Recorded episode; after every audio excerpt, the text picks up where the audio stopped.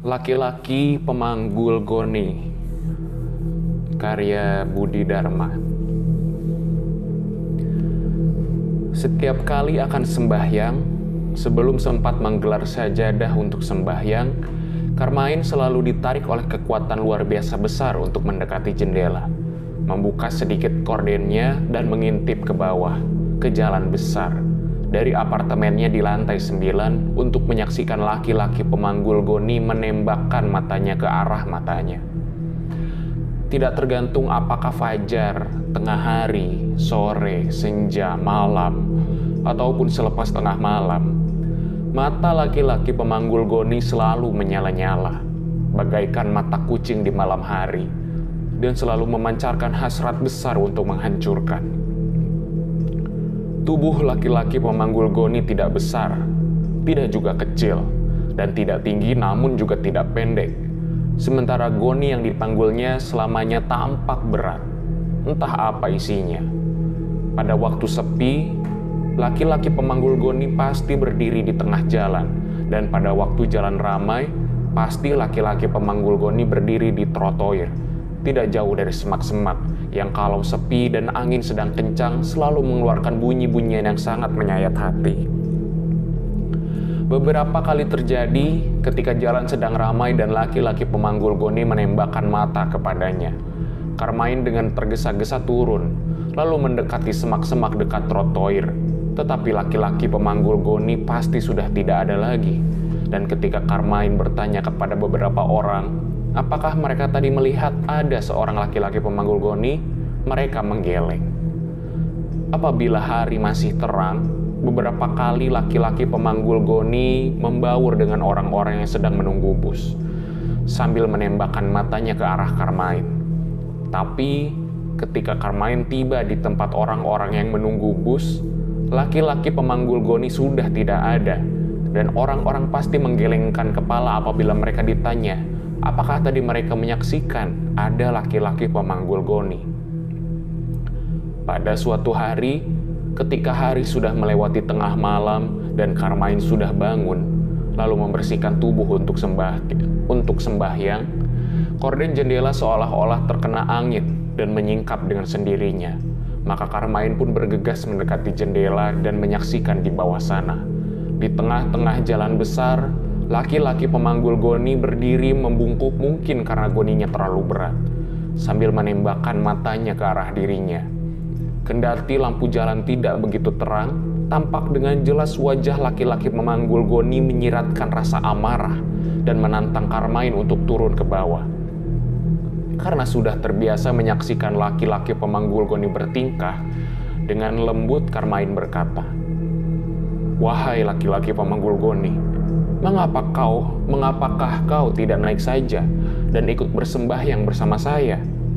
Kendati jarak antara jendela di lantai sembilan dan jalan besar di bawah sana cukup jauh, tampak laki-laki pemanggul goni mendengar ajakan lembut Karmain. Wajah laki-laki pemanggul goni tampak berkerut-kerut marah dan matanya makin tajam, makin menyala dan makin mengancam. Baiklah, laki-laki pemanggul goni, kalau kau tak sudi naik dan sembahyang bersama saya, tunggulah saya di bawah. Saya akan sembahyang dulu. Sejak saya masih kecil sampai dengan saatnya ibu saya akan meninggal, ibu saya selalu mengingat, mengingatkan saya untuk sembahyang dengan teratur lima kali sehari. Fajar sembahyang satu kali, itulah sembahyang subuh. Tengah hari sembahyang satu kali, itulah sembahyang lohor Sore satu kali itulah sembahyang asar. Senja satu kali itulah sembahyang maghrib. Malam satu kali itulah sembahyang isya. Lima kali sehari. Dan kalau perlu, enam kali sehari. Tambahan sekali setelah saya bangun lewat tengah malam dan akan tidur lagi. Itulah sembahyang tahajud.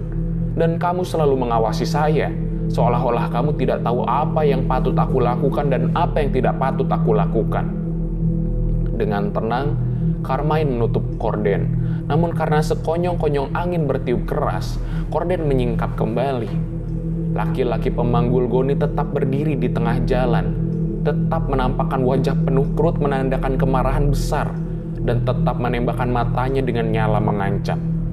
Di sebelah sana, dekat trotoar di sebelah sana, semak-semak bergoyang-goyang keras tertimpa angin dan mengirimkan bunyi-bunyi yang benar-benar menyayat hati.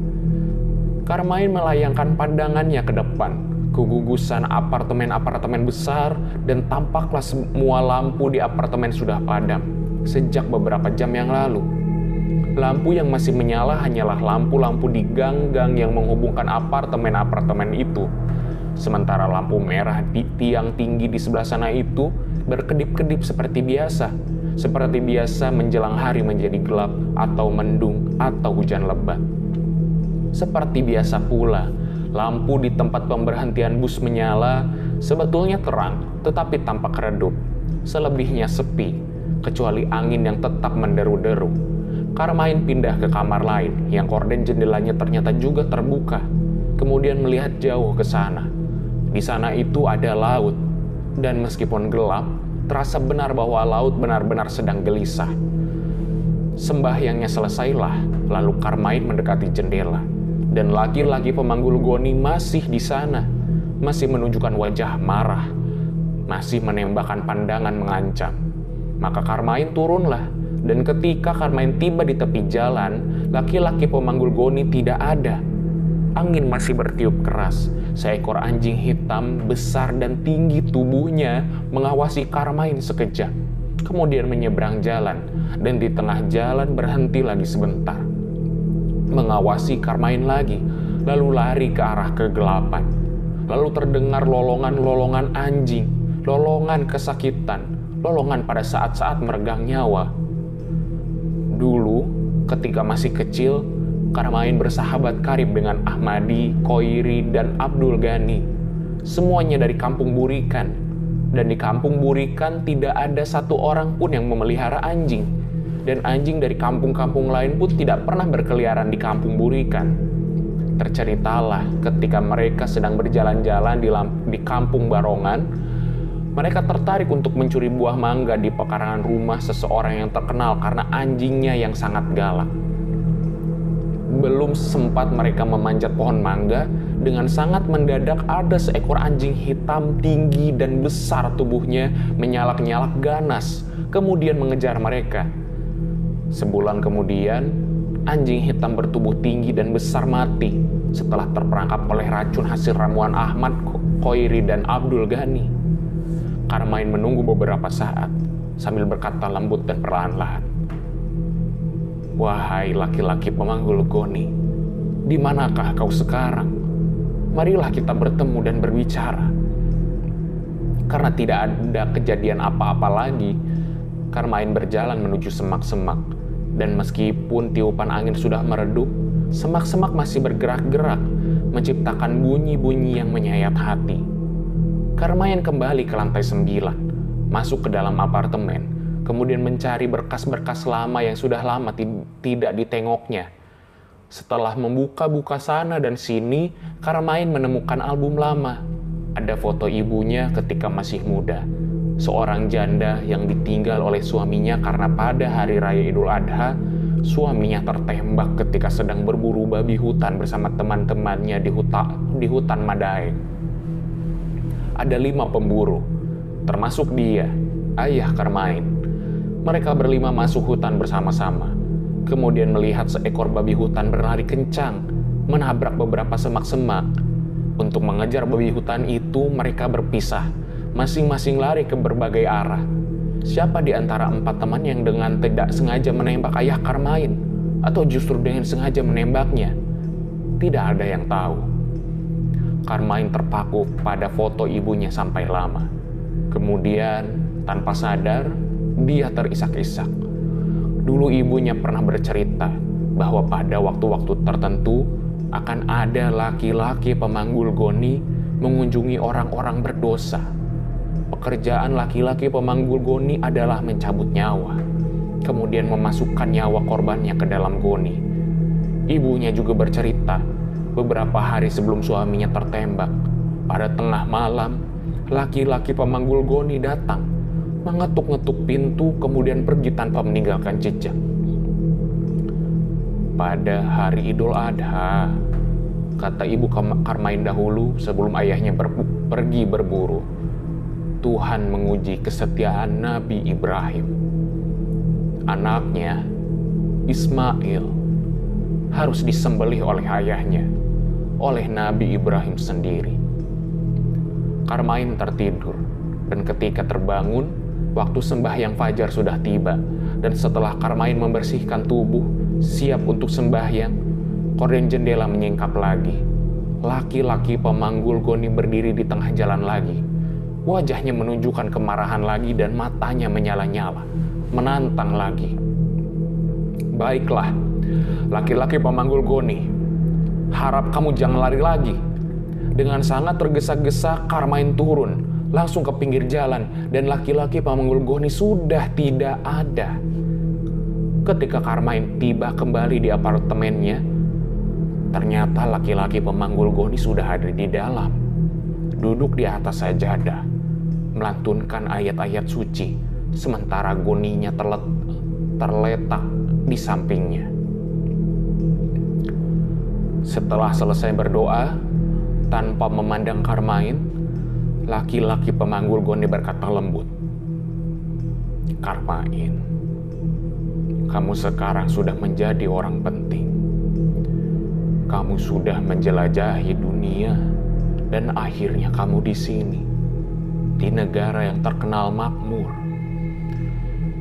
Bahwa kamu tidak mau kembali ke tanah airmu bukan masalah penting. Tapi mengapa kamu tidak pernah lagi berpikir tentang makam ayahmu? Tidak pernah berpikir lagi tentang makam ibumu?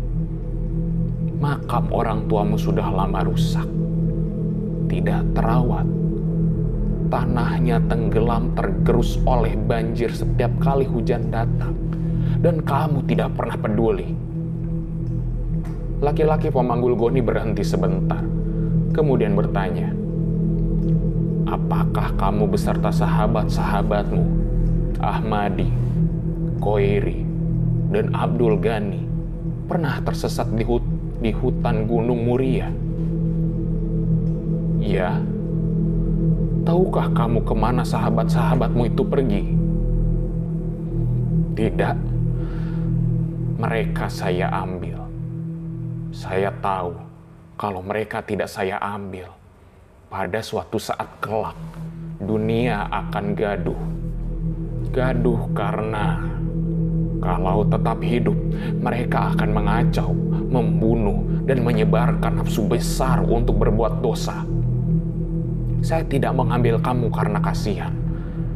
Kamu habis kehilangan ayah, ayah bejat. Pada saat seharusnya dia di masjid, bersembahyang, dan kemudian membantu orang-orang menyembelih kambing. Ayahmu berkeliaran di hutan bukan untuk menyembelih kambing, tapi mengejar-ngejar babi hutan untuk dibunuh. Ingatlah, pada hari Idul Adha, ketika Nabi Ibrahim sedang menyembelih anaknya sendiri, Ismail datang keajaiban. Bukan Ismail yang disembelih, tapi kambing. Berhenti sebentar, kemudian laki-laki pemanggul goni bertanya dengan nada menuduh, Apakah benar ketika kamu masih remaja, kamu menjadi penabuh beduk masjid kampung Burikan. Setiap saat sembahyang tiba, lima kali sehari kamu menabuh beduk mengingatkan semua orang untuk sembahyang. Karmain ingat, ketika masih umurnya memasuki masa remaja, dia bercita-cita, kelak kalau sudah dewasa dia akan memiliki gedung bioskop. Maka dengan caranya sendiri dia menciptakan bioskop-bioskopan kertas tipis dia gunting, dia bentuk menjadi orang-orangan. Lalu dengan tekun dia membuat roda kecil dari kayu. Orang-orangan dari kertas tipis dia ikat pada benang. Benang ditempelkan pada roda kayu, lalu dia memasang kertas minyak, menutup semua jendela supaya gelap. Menyalakan lilin, menggerak-gerakkan orang-orangan. Dari balik kertas minyak terpantulah bayangan orang-orangan. Mereka bisa berlari-lari, ber berkejar-kejaran, dan saling membunuh, seperti yang terjadi pada tontonan wayang kulit. Demikianlah, pada suatu hari, ketika sedang asik-asiknya bermain bioskop-bioskopan, Tiba-tiba Carmine ingat, waktu untuk menabuh beduk sudah tiba. Maka berlarilah ia ke masjid, meninggalkan kertas-kertas tipis berserakan di lantai. Seorang anak kampung burikan pula, Amin namanya, telah datang terlebih dahulu dan telah menabuh beduk. Setelah selesai sembahyang, Carmine dan beberapa orang pulang. Dalam perjalanan pulang itulah mereka melihat asap hitam pekat membubung ke langit udara pun menjadi luar biasa panas. Hampir seperempat rumah di kampung Burikan terbakar, dan dua laki-laki lumpuh meninggal, terjebak oleh kobaran-kobaran api. Karmait, kata laki-laki pemanggul Goni sambil menunduk. Janganlah kamu pura-pura tidak tahu. Kamu lari ke masjid, sementara lilin masih menyala sunyi senyap, dan laki-laki pemanggul Goni tetap tertunduk.